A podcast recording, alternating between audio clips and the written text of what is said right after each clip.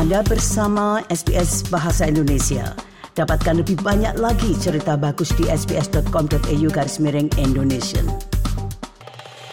Pendengar Persatuan Farmasi telah meningkatkan seruannya kepada pemerintah untuk membatalkan rencana untuk memotong biaya resep.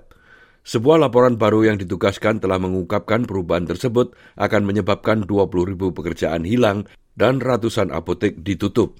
Namun Menteri Kesehatan Mark Butler mengatakan temuan itu adalah bagian dari kampanye yang menakut-nakuti saja. Berikut ini laporan tentang hal tersebut yang disusun oleh Omar Den untuk SBS News. Seorang apoteker Nick Logan telah melayani komunitasnya selama tiga dekade. Ia mengatakan ia bangga dengan stafnya, namun sekarang ia khawatir akan masa depan mereka dan nasib bisnisnya Hal itu disebabkan oleh kebijakan baru yang diusulkan oleh pemerintah untuk resep 60 hari. It comes at a cost to the people who need community pharmacy the most. Uh, really disappointed. I'm praying that it, that won't go through. This really feels like a kick in the teeth at the moment, a real slap in the face. Perubahan itu akan memungkinkan warga Australia mengumpulkan obat mereka selama dua bulan dalam satu kunjungan ke apotek untuk beberapa penyakit yang menurut pemerintah akan membantu orang dengan kondisi kesehatan kronis menghemat ratusan dolar per tahunnya. Namun Logan mengatakan biaya apoteknya 150 ribu dolar per tahun setara dengan dua karyawan penuh waktu. I think it will be devastating. That's going to lead directly to reduced services. If community pharmacy is forced to become a vending machine, it will impact people in a much more dramatic fashion. Pemodelan dalam laporan baru yang ditugaskan oleh Persatuan Farmasi Australia itu menemukan bahwa jika rencana pemerintah berjalan, 20 ribu pekerjaan apotek akan dihentikan dalam waktu 4 tahun. Ia mengklaim 4,5 miliar dolar akan dipotong dari apotek komunitas dan 655 apotek di seluruh Australia akan ditutup. Presiden Persatuan Trent Tommy mengatakan hal itu akan membuat orang tidak memiliki layanan gratis seperti pemeriksaan asma, kemasan blister, pemantauan darah dan berat badan, dan pengiriman ke rumah.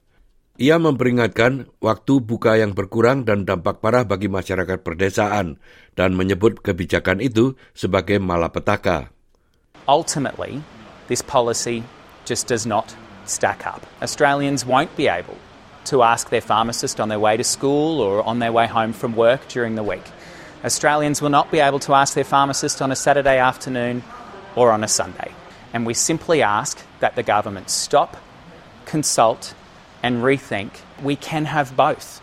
We can have cheaper medicines, but we need to have a viable community pharmacy sector to deliver the cheaper medicines. Laporan itu merekomendasikan tanggal mulai kebijakan pada 1 September ditunda sampai peninjauan dampak ekonominya selesai. Namun, Perdana Menteri mengatakan 6 juta pasien dengan kondisi kesehatan kronis serta apotek pada akhirnya akan mendapat manfaat. I want to see pharmacies thrive. I tell you who else I care about, besides the person who's the pharmacist, I care about the person who goes into the pharmacy. Seorang juru bicara Menteri Kesehatan Matt Butler menyebutkan temuan itu sebagai kampanye menakut-nakuti terbaru dari kelompok lobi apotek. Nah pendengar itulah tadi sebuah rangkuman mengenai sebuah laporan yang mengatakan bahwa keadaan apotek terancam di Australia. Laporan itu disusun oleh Omar Den untuk SBS News dan disampaikan oleh Ricky Kusumo. Anda ingin mendengar cerita-cerita seperti ini? Dengarkan di Apple Podcast, Google Podcast, Spotify, atau di mana pun Anda mendapatkan podcast Anda.